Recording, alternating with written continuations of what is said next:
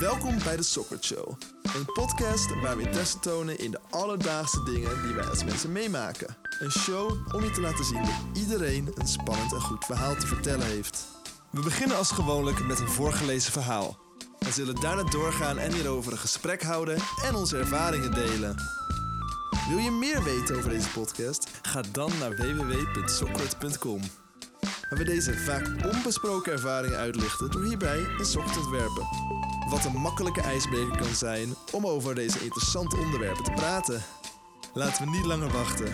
Hierbij een Sockert Original. Ja, het was echt een onvergetelijke reis. Want een paar jaar geleden toen ging ik met een aantal collega's op excursie in de Noordpool. Dus we waren net afgestudeerd in verschillende gebieden rondom biologie en ecologie. En ja, we zochten toch wel een onvergetelijke ervaring. Want na zo lang in de stoffige boeken gezeten te hebben, zou het toch wel fijn zijn om, eh, om toch wel even een periode naar buiten te gaan. Ehm, ja, dus toen we de mogelijkheid aangeboden kregen om op excursie te gaan richting de Noordpool, om daar de dieren te bestuderen, was het antwoord direct ja. In het begin van juni toen stapten we op de boot naar de Noordpool. Ehm dat was een super lange trip. Maar toen we aan, eenmaal aangekomen waren op Spitsbergen, toen zagen we direct waar we het voor deden. Het landschap was zo mooi en echt de meeste onder ons konden wel een traantje wegpinken. Dus naast een aantal kleine diertjes zijn we de eerste dag eigenlijk niet heel veel eh, tegengekomen voor ons onderzoek. Dus ja, de avond hebben we toen onze tenten opgezet. En dat is een flinke uitdaging, want het waait echt heel hard op de Noordpool. En we sliepen op harde rubberen matjes. En eh, ja, met dat klapperen van de, van de tentcel, ja, probeer je dan toch wel in slaap te komen. Nou, de volgende ochtend werden we wakker met het geluid van, eh, van de tikkende regen op het zeil. En ja, heel mijn lichaam deed pijn van het slapen op de harde ondergrond. Maar we wisten waar we ons voor hadden aangemeld. Ehm, dus ja, dat zijn, ja, het is gewoon de harde realiteit van zo'n expeditie. Onze grootste droom daar was het vinden van ijsbeer. We wilden ze fotograferen en tellingen doen en allemaal van dat soort metingen om, eh, om te zien hoe het met de ijsbeerpopulatie gaat. Want door, klimaatverandering worden de ijsberen bedreigd en hebben ze moeite om nog eten te vinden in het steeds kleiner wordende poollandschap. Dus ja, dicht in de buurt van een ijsbeer komen mag daarom ook echt niet. Dit niet alleen voor de veiligheid van de bezoeker, maar voornamelijk eh, voor, eh, voor de veiligheid van de beer. Want als zo'n ijsbeer aanvalt, dan mag er binnen 30 meter afstand eh, geschoten worden. Ja, een vermoorde ijsbeer wordt echt heel serieus genomen, want het is toch weer een beer minder. Op dag 6, en dat is ja, de helft van ons verblijf eh, geweest, was de dag waarop we toch wel geluk hadden. Want in- de verte zagen we ergens een wit stipje bewegen. Dus we pakten allemaal onze verrekijkers en camera's en allemaal van dat soort eh, apparaten om het dier te eh, documenteren. En toen we eenmaal echt goed konden zien, hadden we de beste verrassing die we ons hadden kunnen wensen. Ehm, het was een mamabeer met haar kind. En die waren samen lekker op zoek naar, ja, naar eten. Ze zagen er ook nog redelijk goed gevoed uit. Maar wel iets dunner dan de gemiddelde beer er 40 jaar geleden uitzag. We maakten echt een hoop kiekjes, foto's, schreven allemaal logs over het gedrag van de beren. Eh, maar dit is natuurlijk echt nuttige informatie voor ons onderzoek. In totaal zouden we 12 dagen verblijven op de Noordpool. En ja, de rest van de trip hebben we ook nog heel wat dieren gedocumenteerd. Van poolvossen tot hazen, wolven. En hierbij zagen we nog wel een aantal andere ijsberen. Dus dat was ook wel heel erg fijn. Toen het eindelijk tijd werd voor de trip terug, waren we stiekem wel heel erg blij. Alhoewel de expeditie echt heel tof was, waren we toch wel toe aan het warme, zachte bed op het vasteland. Eenmaal terug in Nederland konden we echt al onze studiegenoten en vrienden de geweldige vondsten van de Noordpool vertellen. Dus ja, de excursie was een groot succes. Wat een mooi verhaal over de ijsbeer, eh Zep.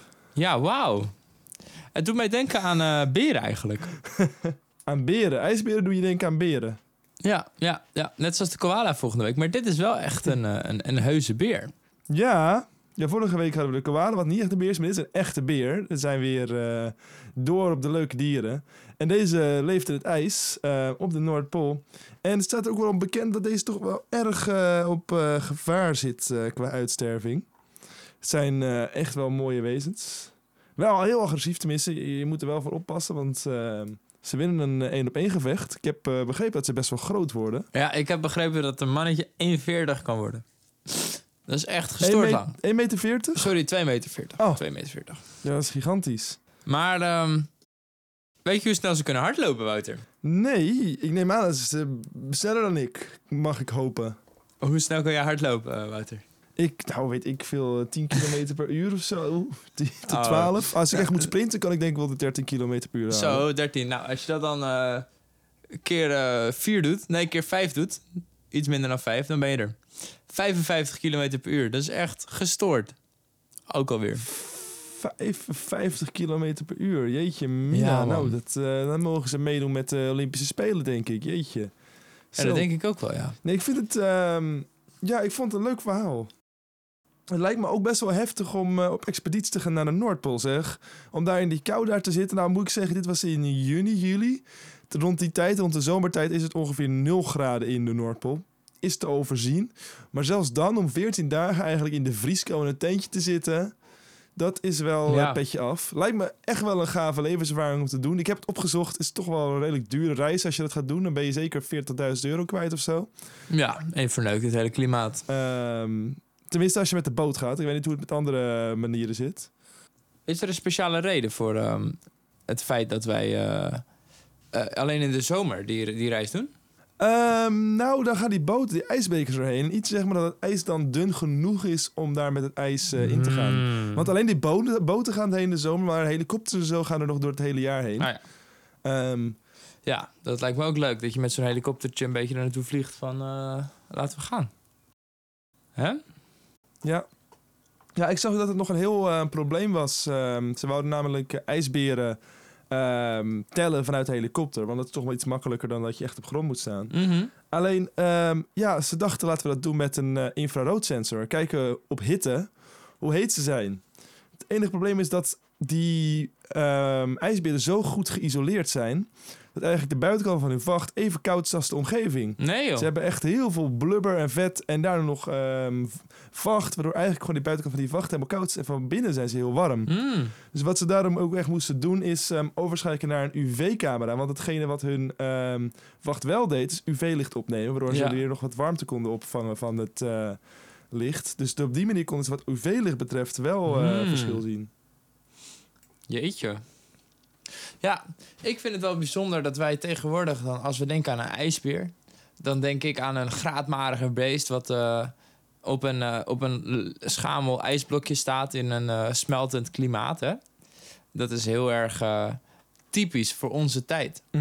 Want eh, ik zat een beetje in te lezen op. ken, je, ken je Willem Barends en zijn tocht? Willem Barends. Zeg maar niet 1, 2, 3 wat. Oh. Nou, die, die ging ehm, naar het noorden. Die dacht, nou, nu hebben we via het zuiden een tocht eh, om ehm, in, eh, in, het oosten, te- in het verre oosten te komen. Laten we ook eh, proberen om dat via het noorden te doen.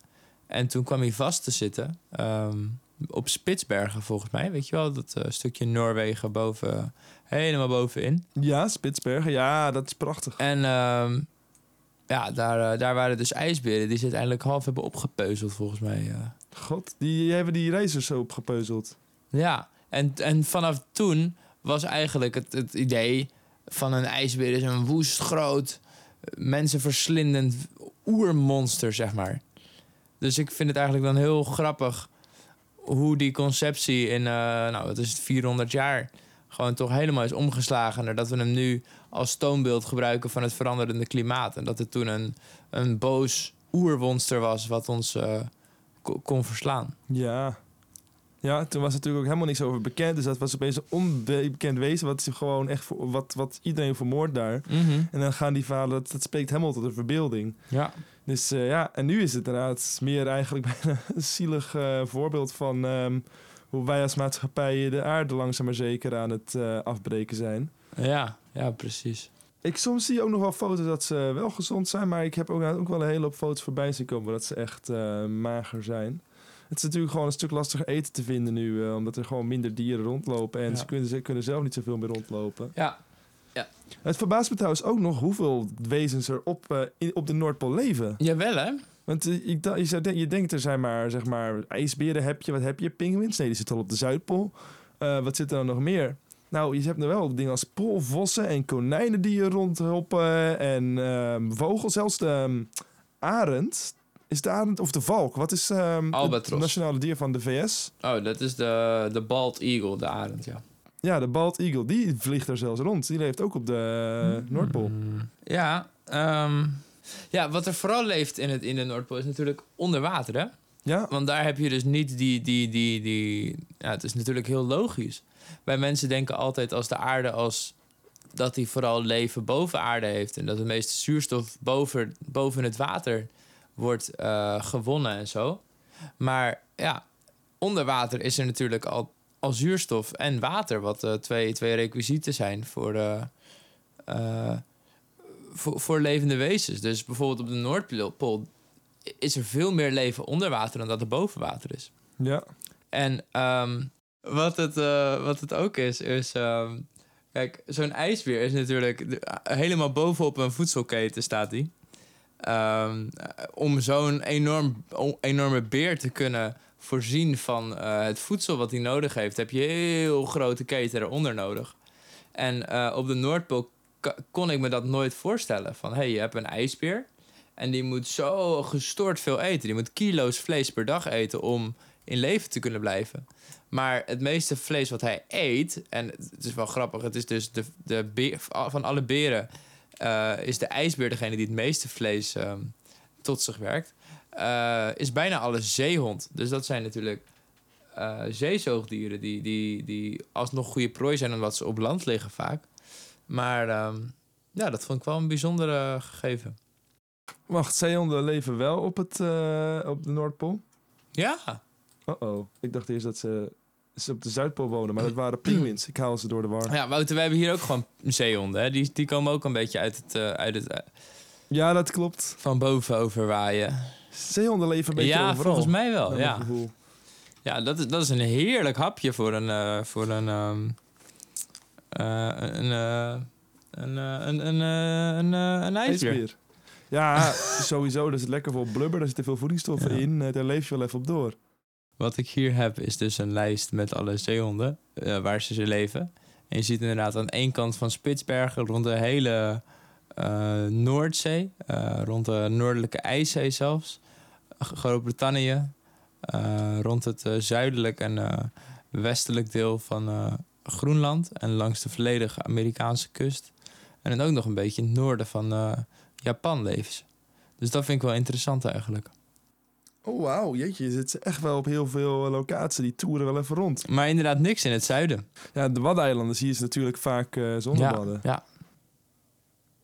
Ja, oké. Hey Wouter, eh, jij was er nog niet eh achter gekomen, maar ehm, ik vind de podcast eh, wel eh, tot een einde draaien. Ja, ik ook. Ehm, zoals jullie misschien hebben kunnen horen, waren we een beetje eh, under the weather vandaag. We waren een beetje verkouden. Ja. Dus daarom was onze stem misschien een beetje anders. Ja. Maar we hadden desalniettemin heel veel lol in de podcast. Zeker. En Zep, is er nog wat informatie voor onze luisteraars? Ja, zeker. Dit is wederom een sok die nog niet uit is gebracht. De, de zeehond. eh de zeehond. De ijsbeer. Dus ehm, ja, kijk uit. Er wordt een hele leuke collectie die hier, hiermee naar boven komt. En eh, we hopen je natuurlijk terug te zien op de Socrat eh, website. En eh, heb jij nou een leuk verhaaltje dat jij een ijsbeer hebt gezien of wat anders? Dan kan je dat altijd insturen. En dan, wie weet, heb je de, de eer om met Wouter te praten. En de, de blessing om met Seb te praten. Ja, hartstikke bedankt voor het luisteren. En tot de volgende keer. Kusjes.